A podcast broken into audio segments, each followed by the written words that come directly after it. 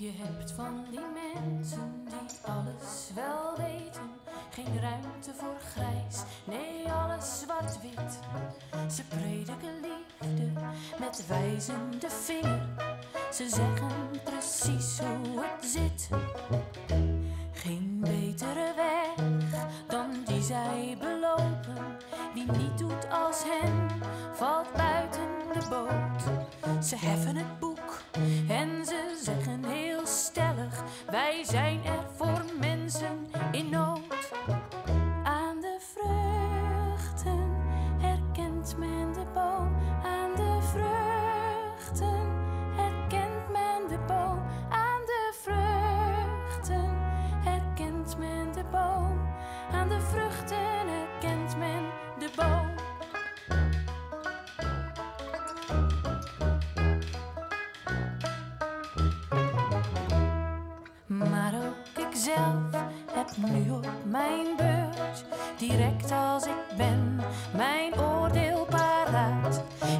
Naar de mensen die alles wel weten, en dan begint mijn geblaat. Waar is de liefde waar zij over praten? Het gaat toch om doen, om leefliefde voor. Dit klinkt wel heel mooi, maar voor mij geldt hetzelfde.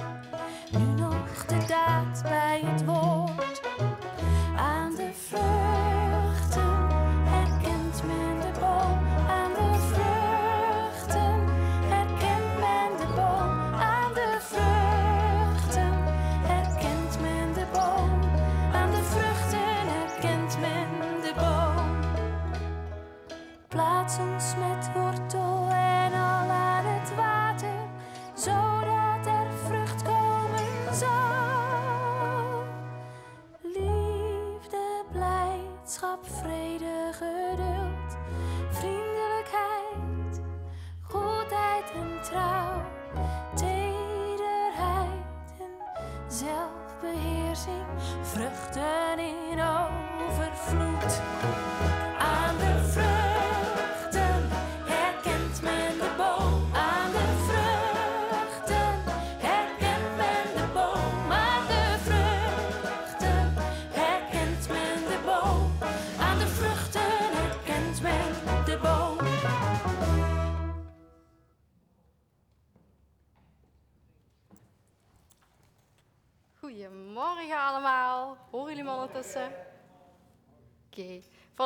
om te starten, maar eigenlijk kom ik er straks op terug, dus ik ga er nog niet te veel over zeggen. En ik wil jullie eigenlijk meenemen in een droom die ik laatst gehad heb. Ehm, laatst zag ik een bloem of een plant, maar meer bepaald eh, de delen ervan. En ik moest ze gaan onderzoeken. En ik vond het maar een hele gekke droom. Ik heb het wel opgeschreven, maar ben het eigenlijk gewoon vergeten. En even later eh, kwam, eh, ben ik naar opwekking gegaan en toen kwamen die gedachten eigenlijk weer terug. Toen zei ik heel stellig, goh, laat me dan maar bloemen zien. Als u het bent, laat me bloemen zien. En ja, natuurlijk krijg je dat gewoon vol te zien. En ik ga jullie vertellen hoe dat gebeurd is. Ehm, omdat ik zo van lezen hou, ga ik op opwekking meestal naar de literatuurtent. En daar werd ik eigenlijk eh, verliefd op een Bijbel. Maar de Bijbel was nogal duur, dus ik heb hem laten liggen. En ik heb andere boeken meegenomen. En eh, ja, het weekend vorderde en het liep eigenlijk tot een einde. En ik kreeg die Bijbel eigenlijk maar niet uit mijn hoofd. Dus ik ben teruggegaan naar de literatuurtent. Maar de Bijbel was uitverkocht. Helaas. Opgezocht op internet en via bol.com kon ik hem gewoon bestellen. Dus ik heb hem besteld en een dag later kwam die aan. Ik ben gaan werken, een dag later, kom terug. Stond er een heel mooi pakketje op tafel, speciaal voor mij te wachten. En ik doe hem open en ik schrik eigenlijk. Want op die Bijbel staat gewoon een bloem. En als je hem open doet, staan er nog veel meer bloemen in. Dus ja, dat was mijn teken om, uh, om je mee te nemen in mijn droom. En eigenlijk te gaan onderzoeken wat die droom nu eigenlijk inhoudt. En dat is eigenlijk wat, wat ik met jullie vandaag wil gaan doen. Uh, aan.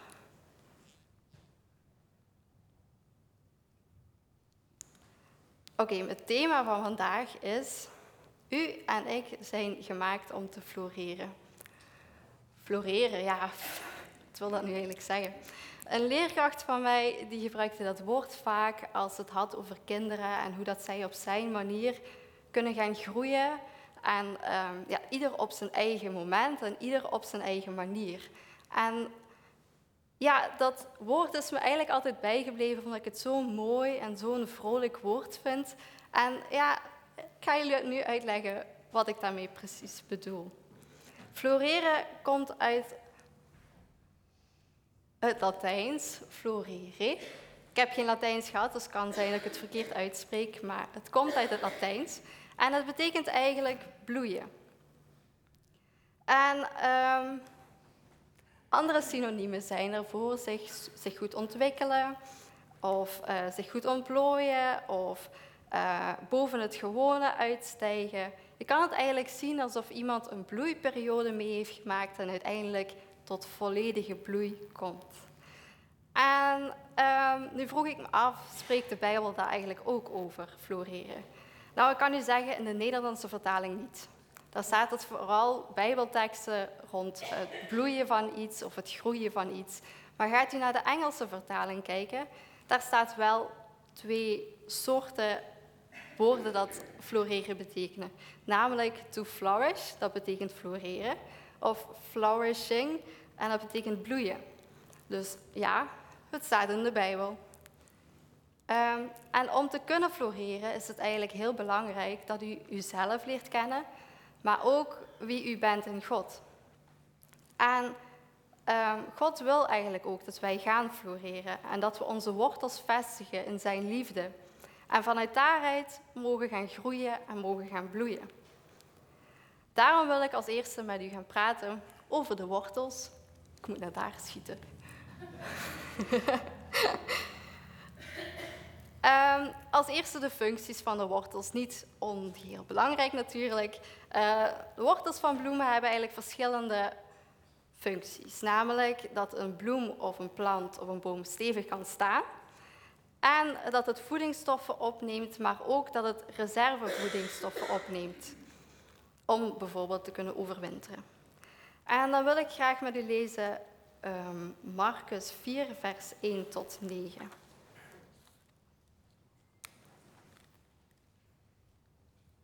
Ik heb het ook hier bovenop staan, dan hoef je het niet helemaal te zoeken.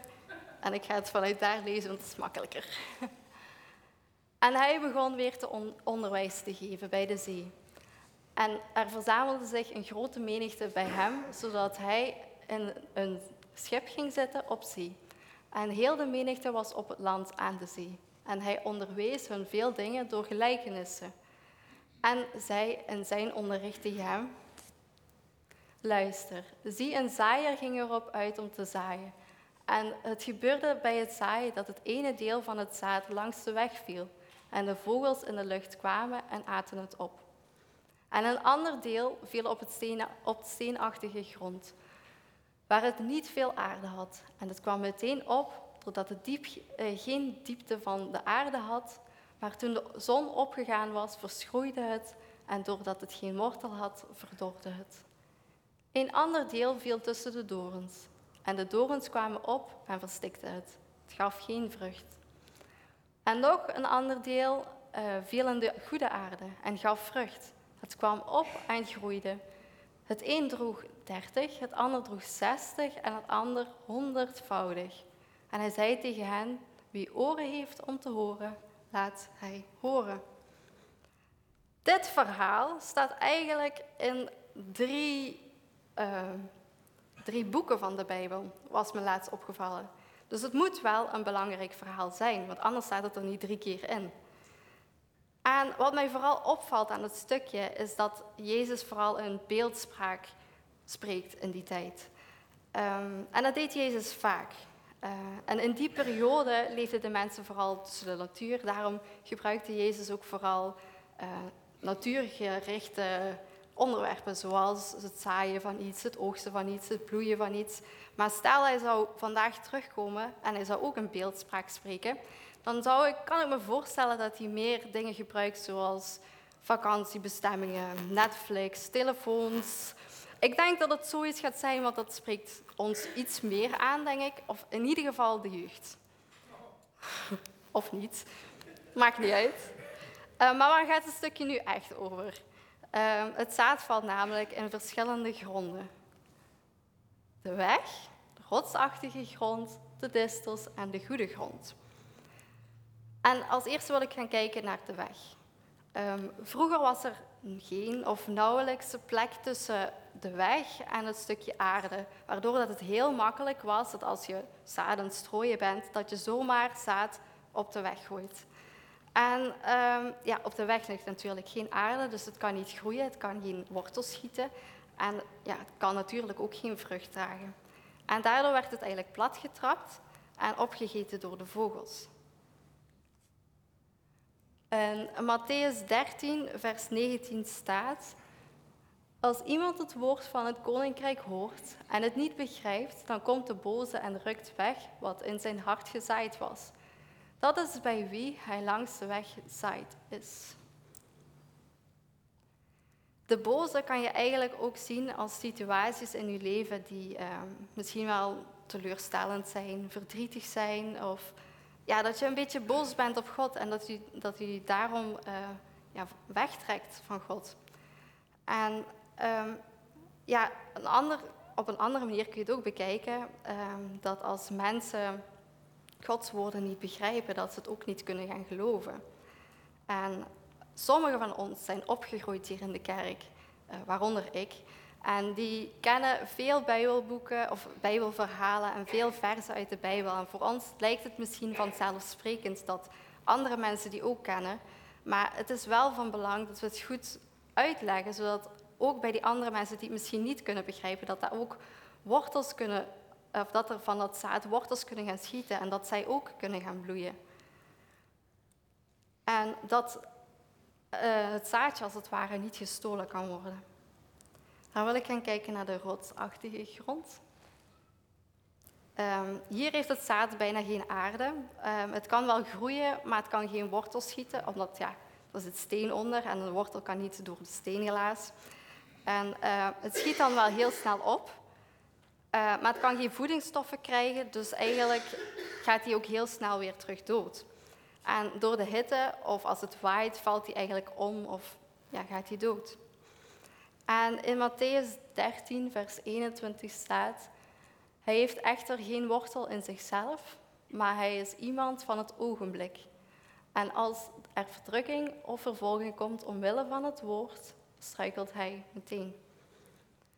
Soms zijn we super enthousiast in ons geloof en denken we, ja, we kunnen er weer tegenaan en uh, maandag komt en uh, we gaan het hele evangelie uitleggen aan iedereen die met ons werkt of met ons is. En we gaan dat allemaal doen. Uh, en we geloven, ja, maar als het dan komt, de maandag, dan vervaagt dat vuurtje precies en wordt het steeds kleiner.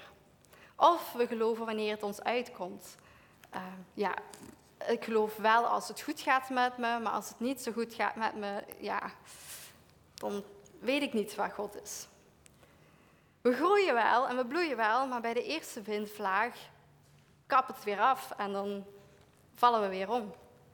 En als ik eerlijk ben, gebeurt het soms bij mij ook wel eens. Als ik ochtends in de zaal zit en ik denk, wauw, die preek is echt fantastisch, echt geraakt, echt mooie preek.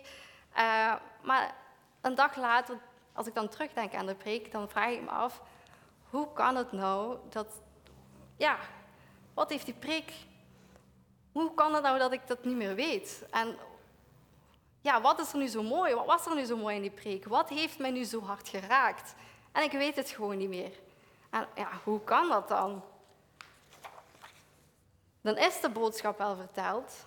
En het was mooi en heel duidelijk en alles erop en eraan, maar ik heb het nog niet eigen gemaakt. En hoe doe ik dat dan? Ja, door eens te babbelen met uw buurman of uw buurvrouw over de preek. Goh, wat vond jij daarvan? Wat heeft jou zo geraakt tijdens de preek? Of, of gewoon eens stil te worden en het laten bezinken. Of verder opzoeken hoe dat er ook weer allemaal zat. En zo kun je ervoor zorgen dat, dat je het eigen maakt. Daar ging de preek vorige week trouwens ook over, heb ik gehoord.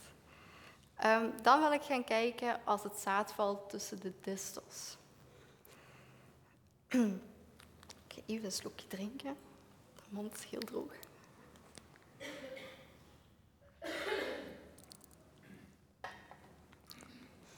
Het zaad tussen de distels heeft eigenlijk geen plaats om te groeien. Het heeft misschien wel de goede grond en goede voedingsstoffen, maar het heeft geen plaats. En geen zon. Hierdoor stikt de plant en kan het ook eigenlijk geen vrucht dragen. Dat staat ook in Matthäus 13, vers 22. En bij wie in de dorens gezaaid is, dat is hij die hoort, maar de zorgen van deze wereld en de verleiding van de rijkdommen verstikken het woord en het wordt onvruchtbaar. Goed, ik heb een vraag voor jullie en uh, jullie mag er heel eerlijk op antwoorden. Wie heeft er allemaal een telefoon? Wie heeft er allemaal een laptop, een tablet, een computer? Ja, en hoeveel uur spendeert u er dan wel niet op? Dat hoeft u niet, dat mag in uw hoofd blijven. Dat hoeft niet echt gezegd te worden. Maar als ik eerlijk ben, spendeer ik daar nogal veel tijd op. Ja. En ja, als ik dan zie, ja, tegenwoordig is er veel afleiding in de wereld. Denk maar aan social media, maar ook aan het werk, school, sporten. En wanneer hebben we dan nog tijd voor God? Wanneer hebben we echt tijd gemaakt om Hem te aanbidden? Wanneer hebben we echt tijd gemaakt om in de Bijbel te lezen? Om stille tijd te hebben? Ja, kan het kan de vruchten nog, uh, kan, kan het woord nog vrucht dragen in ons drukke leven? Of uh, hebben we eigenlijk vier dagen tekort in de week? Oké, okay, dan wil ik het hebben over de goede grond. Ja, denk er maar over na. um, een ander deel viel in de goede grond. Het zaad had de juiste voedingsstoffen, had genoeg plaats, had genoeg zon, kan groeien, kan wortels schieten en kan vrucht dragen. En als je dat dan op ons leven legt, wat is dan de goede grond? Zoals de functies van de wortels eigenlijk ook al zeggen, het is belangrijk dat we de juiste voedingsstoffen opnemen, dat we stevig staan en dat we, ja, dat we de juiste voedingsstoffen opnemen. Maar dat niet alleen. We moeten onze wortels ook diep genoeg steken. Want als je kijkt naar een boom, of kijkt naar een plant, of kijkt naar een bloem die diep geworteld is, en het waait, of het stormt, of de zon schijnt, die vallen volgens mij toch niet zomaar om. En als we dan een moeilijke tijd hebben, dan mogen we teruggrijpen naar onze wortels die diep steken. En die staan namelijk stevig. Die staan in de goede grond en die nemen de juiste voedingsstof op. Dus stel, we hebben een tegenslag, of het is ineens heel heet geworden aan onze voeten, dan mogen we altijd teruggrijpen naar onze wortels. Uh, dat staat ook in Jeremia 17, vers 7 tot 8. Maar ook in Psalm 1, vers 3. Dus dat staat eigenlijk twee keer, maar dan een beetje anders verwoord. Gezegend is de man die op de Heere vertrouwt, wiens vertrouwen de Heere is. Hij zal zijn als een boom die bij het, water geplant is en die zijn wortels laat uitlopen bij een waterloop. Hij merkt het niet als, de als er hitte komt. Zijn blad blijft groen. Een jaar van droogte deert hem niet en hij houdt niet op met vrucht te dragen. Dat is eigenlijk ook Gods verlangen voor ons. Dat we in afhankelijkheid van Hem mogen gaan leven. En dat we erop mogen vertrouwen dat Zijn, uh, zijn plan met ons leven goed is. Genoeg over die wortels gepraat, tijd voor iets anders. Namelijk de steel. De steel zorgt er eigenlijk voor dat een bloem of een plant of een boom stevig kan blijven staan. Maar ja, als je planten of bloemen of bomen gaat planten, dan plant je ze natuurlijk in goede grond. Dat doen we allemaal, of niet allemaal, maar dat is wel de bedoeling. Um, hierdoor kan het goed gaan groeien en kan het goed vrucht gaan dragen. Daarnaast is de omgeving eigenlijk ook heel belangrijk, want sommige planten verstikken elkaar en sommige planten versterken elkaar. En als we gaan kijken naar onze omgeving, wie zijn uw of mijn vrienden? En um, ja, wie staat er dan langs de zijlijn om u aan te moedigen als u iets nieuws gaat proberen? Of wie staat er langs de zijlijn om uw, om uw uh, dromen na te gaan? En bij wie voelt u zich veilig? Hebben deze mensen dan een positieve of een negatieve um, invloed op je leven? En brengen ze u dichter of juist verder af van God? Zijn het mensen die ons verstikken of zijn het mensen die ons um, um, versterken?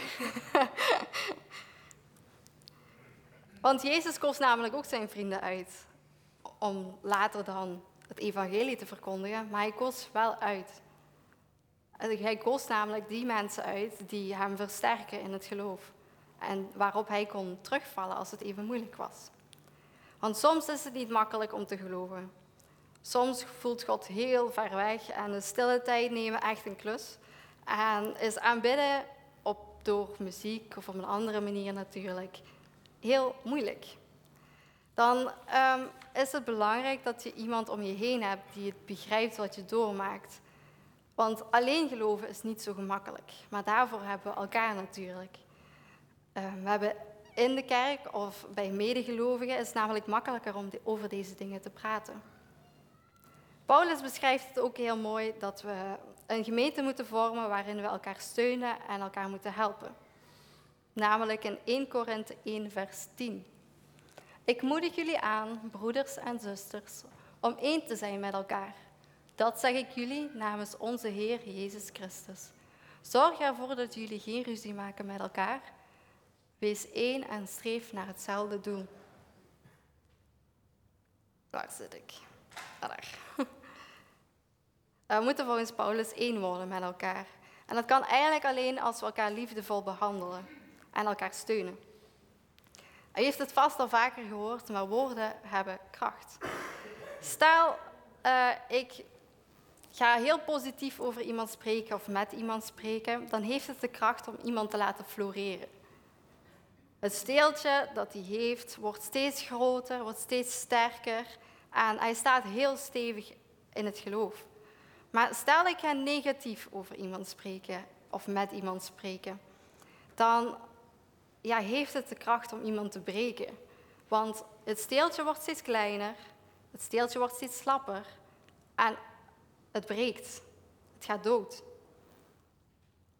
Maar het gaat natuurlijk ook als u over uzelf positief of negatief spreekt. Als u positief over uzelf spreekt, dan ga je floreren, of gaat u floreren. Stel je spreekt negatief over jezelf, ja, dat rokje wat ik aan heb is echt niet mooi. Ja, dat, dat rokje zal ik niet meer aandoen, denk ik en het breekt. Wees er daarom van bewust hoe je met jezelf, maar ook met anderen praat. Uh, alleen door elkaar te ondersteunen en voor elkaar te zijn en lief voor elkaar te zijn, uh, kunnen wij, maar ook de hele gemeente, floreren. En dat is natuurlijk wat we willen.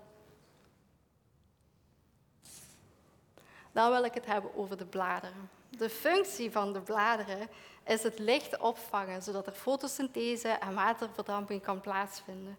Fotosynthese is eigenlijk een proces waarbij uh, het blad water, zonlicht en CO2 opneemt en uh, er suikers en zuurstof van maakt, zodat de plant kan groeien. En de zuurstof is eigenlijk ook een beetje voor ons.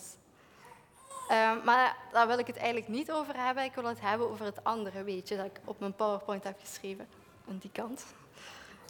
Um, dat is als, bloemen, als je bloemen plant of bomen snoeit, dat er meer bloei uitkomt. Je snoeit namelijk om uh, meer en sterkere bloemen te hebben. Of meer en sterkere vruchten te kunnen oogsten. En dat staat ook in Johannes 15, vers 1 tot 5. Ik ben de ware wijnstok en mijn vader is de wijnbrouwer. Elke rank die in mij geen vrucht draagt, snijdt hij weg. Elke rank die vrucht draagt, snoeit hij bij, opdat hij meer vrucht draagt. Jullie zijn al rein door alles wat ik tegen jullie gezegd heb. Blijf in mij, dan blijf ik in jullie. Een rank die niet aan de wijnstok blijft, kan uit zichzelf geen vrucht dragen.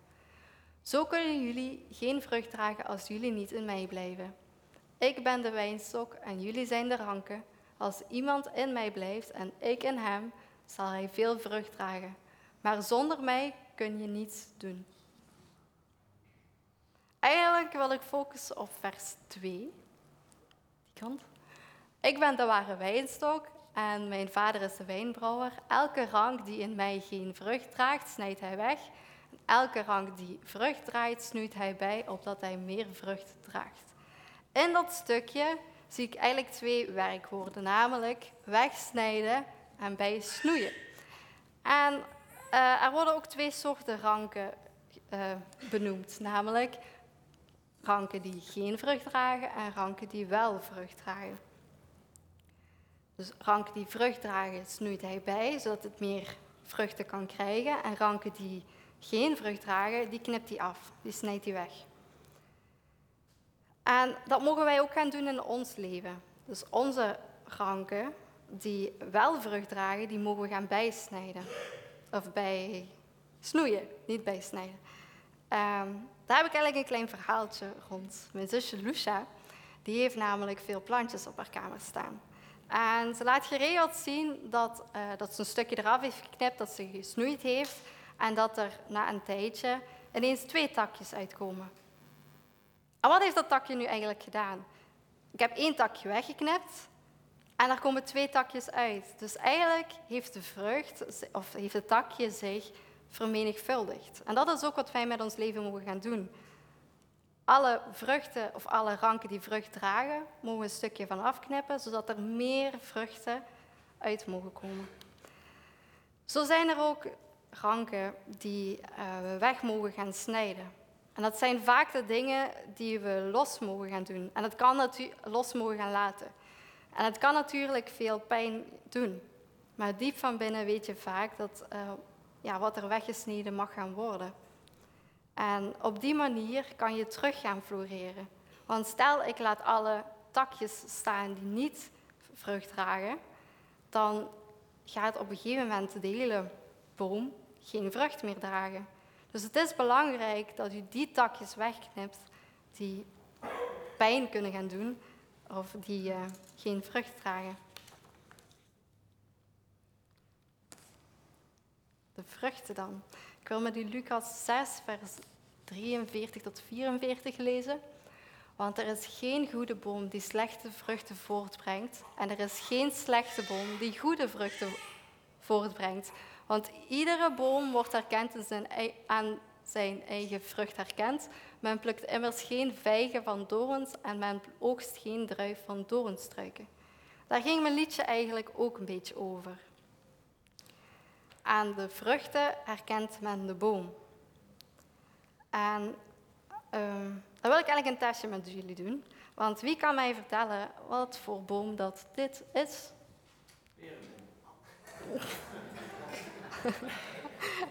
een appelboom. Oké. Wat is dit dan? Een bananenboom. En deze? Een kersenboom. Dus eigenlijk klopt het wat er staat in de Bijbel, of niet soms. We herkennen de boom aan de vruchten. En, wat, wat? Ik heb het niet gehoord. Die zijn wel heel lekker, ja. Ik hou ook van kersjes, dus ik vind het ook lekker. Um, maar wie heeft er dan ooit een peer en een appelboom zien hangen?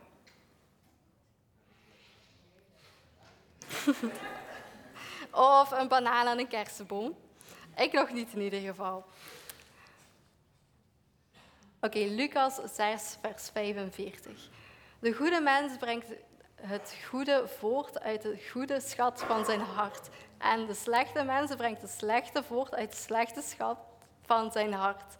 Want uit de, uit de overvloed van het hart spreekt zijn mond.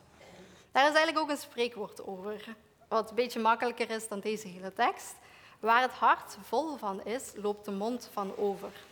En dat betekent eigenlijk uh, dat iemand over de dingen praat wat, wat hij leuk vindt om te doen of waar hij veel van af weet.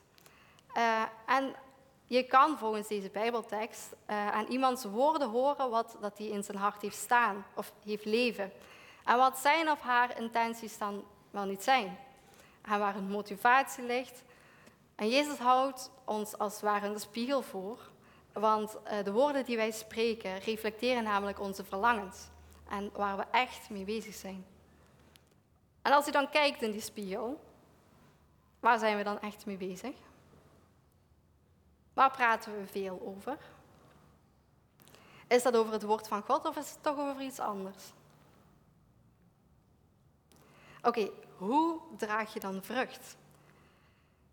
We hebben het wel steeds over de vruchten dragen en vruchten hier en vruchten daar, maar ik heb nog nooit appels of peren uit mijn haren zien groeien. Dus welke vruchten zijn dat dan? Wie weet het? Voor welke vruchten heb ik het? Liefde, geduld, wijsheid. Ja, inderdaad. Heel goed. Slimme gemeente.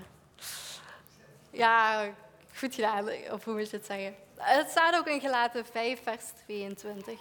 De vruchten van de geest is echter liefde, blijdschap, vrede, geduld, vriendelijkheid, goedheid, geloof, zachtmoedigheid en zelfbeheersing. Ah, een hele mond vol. Ehm, maar als ik naar deze tekst kijk, ik heb hier een pijltje op, toch? Ja.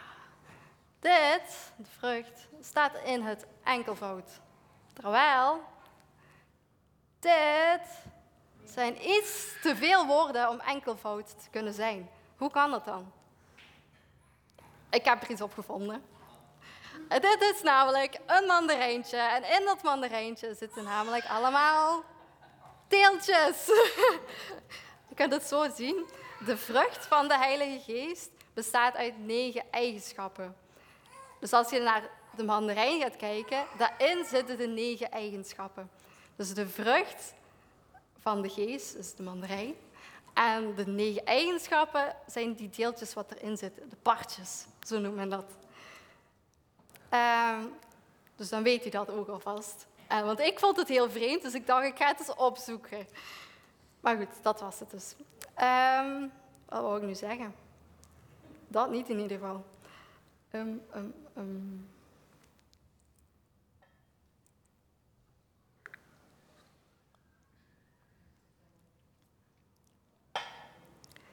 Goed, de vrucht van de geest bestaat dus uit negen eigenschappen.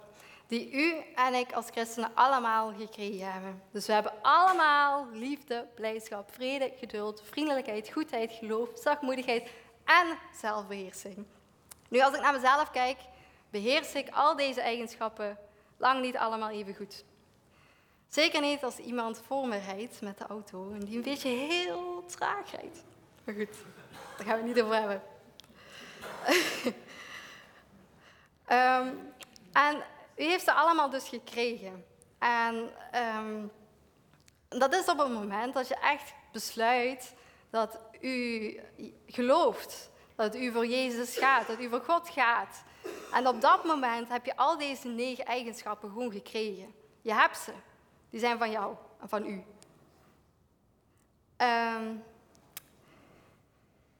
ik heb gehoord dat ik niet te veel um moet zeggen.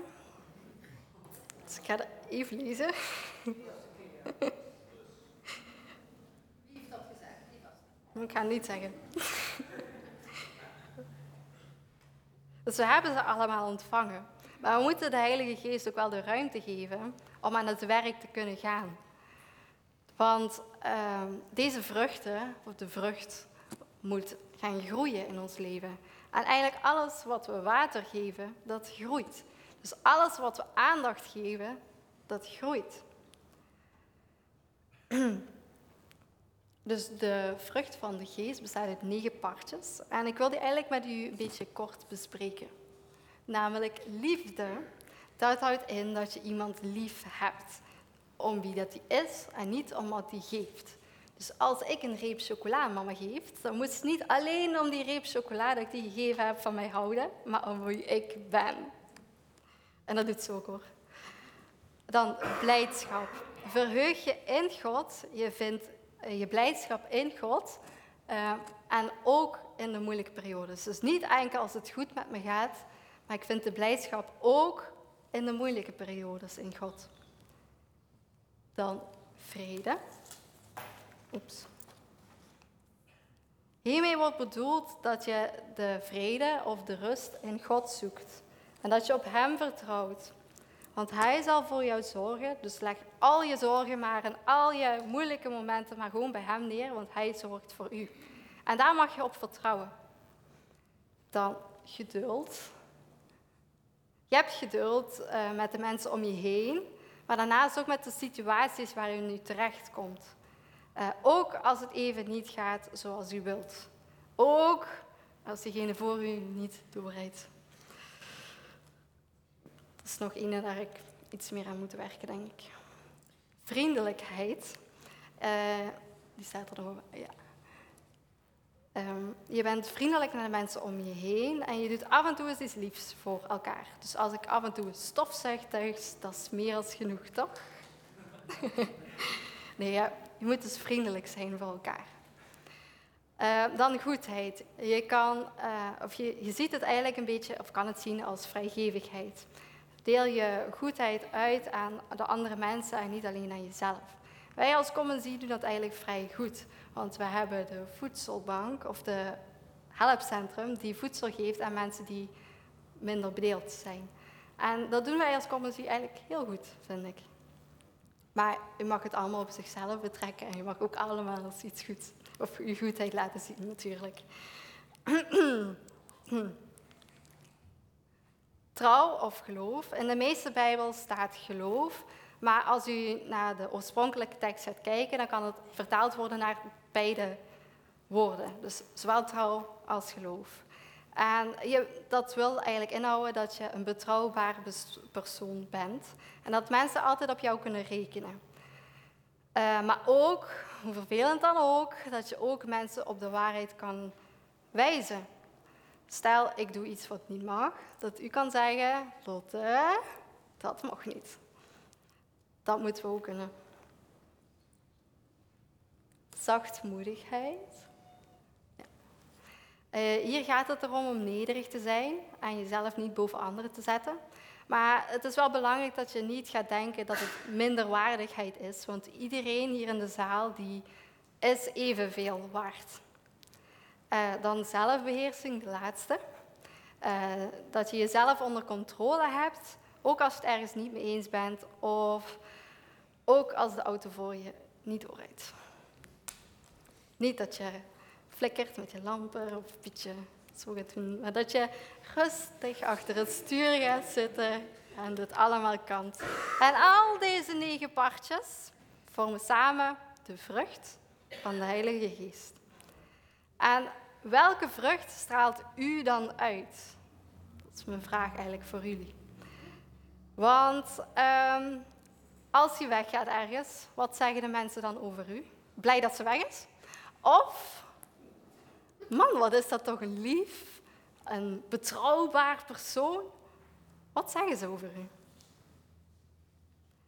Uh, ja, u heeft dus de vruchten, of de vrucht van de Heilige Geest al ontvangen.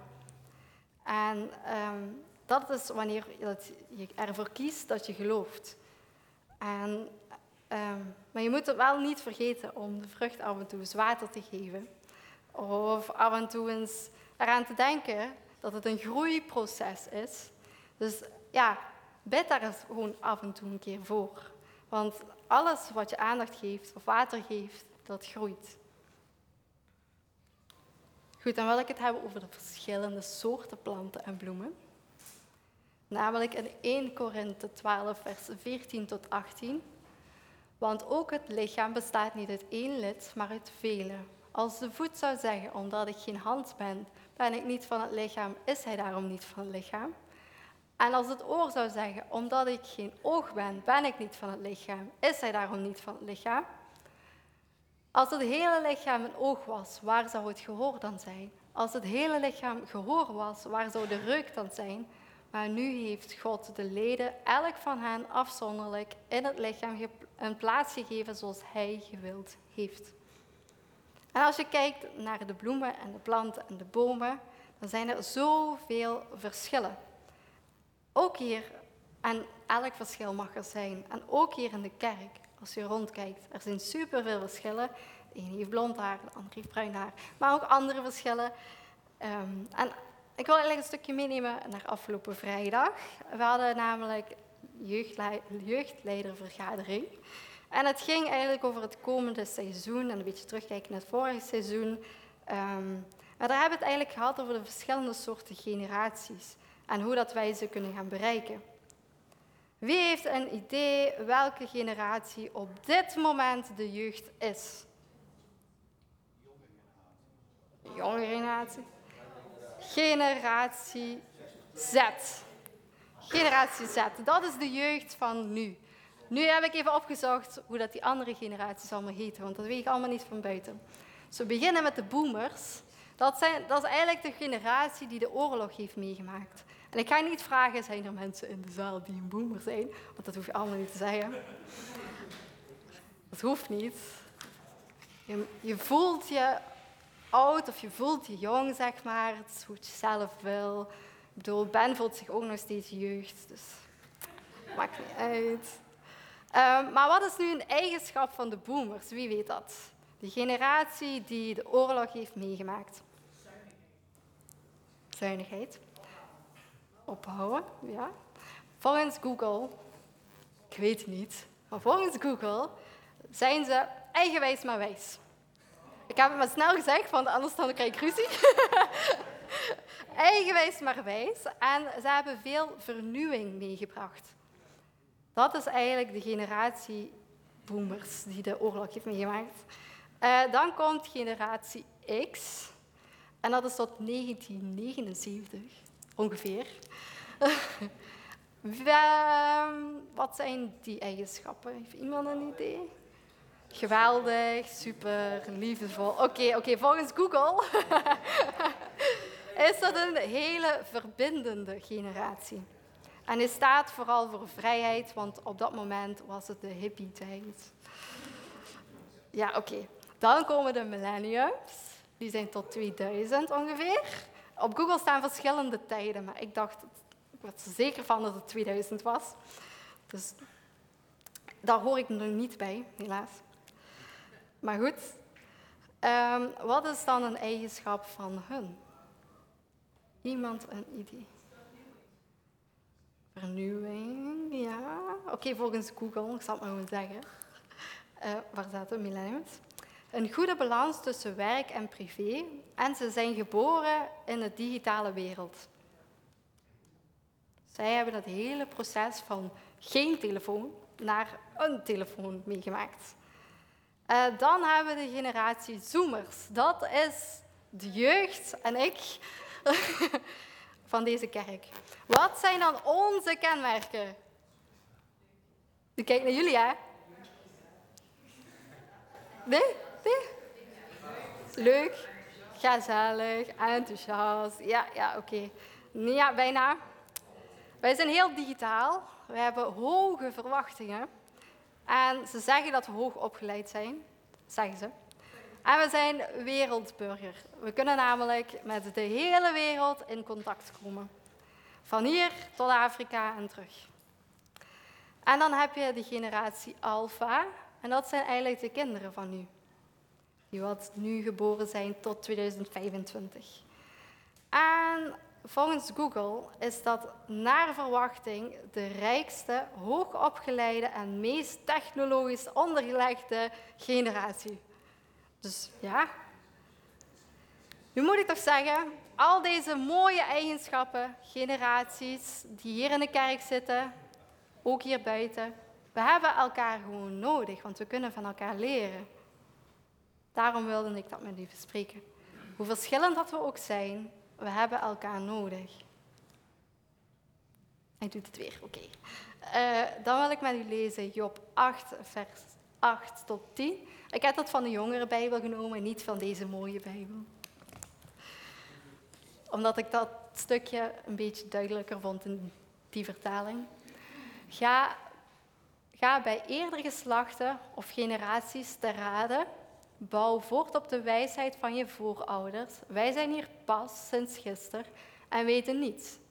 Ons leven op aarde is zo vluchtig als het schaduw. Zij zullen tot je spreken en je onderrichten. Je laten delen in de kennis van hun hart. En dat is ook echt wat ze doen. Want als je terugdenkt, heel in het begin werd er een liedje gezegd. Je hebt van die mensen die alles wel weten. Ja, als ik terugkijk aan de generaties, of ik kijk hier rond, dan kan ik u toch wel zeggen dat ik heel veel mensen zie die heel slim zijn. En met eender welke vraag die ik aan Betty stel, kan Betty gewoon antwoord op geven. Dus u bent allemaal slimmer dan dat u denkt. En al weet Betty het niet, Harry kan helpen.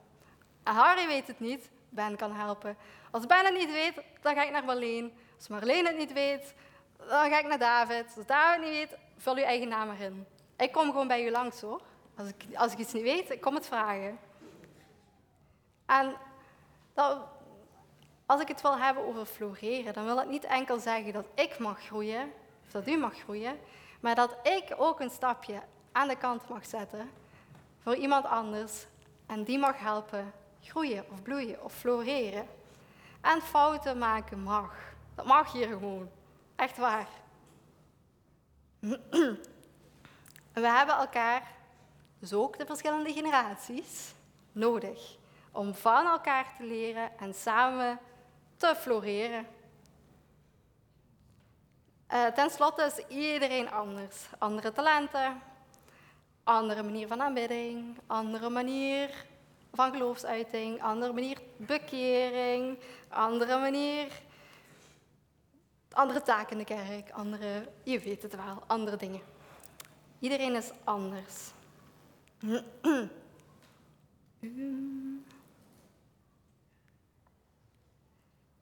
Um, maar iedereen is deel van zijn lichaam. Iedereen is deel van Gods koninkrijk. En hij kan niet zonder u.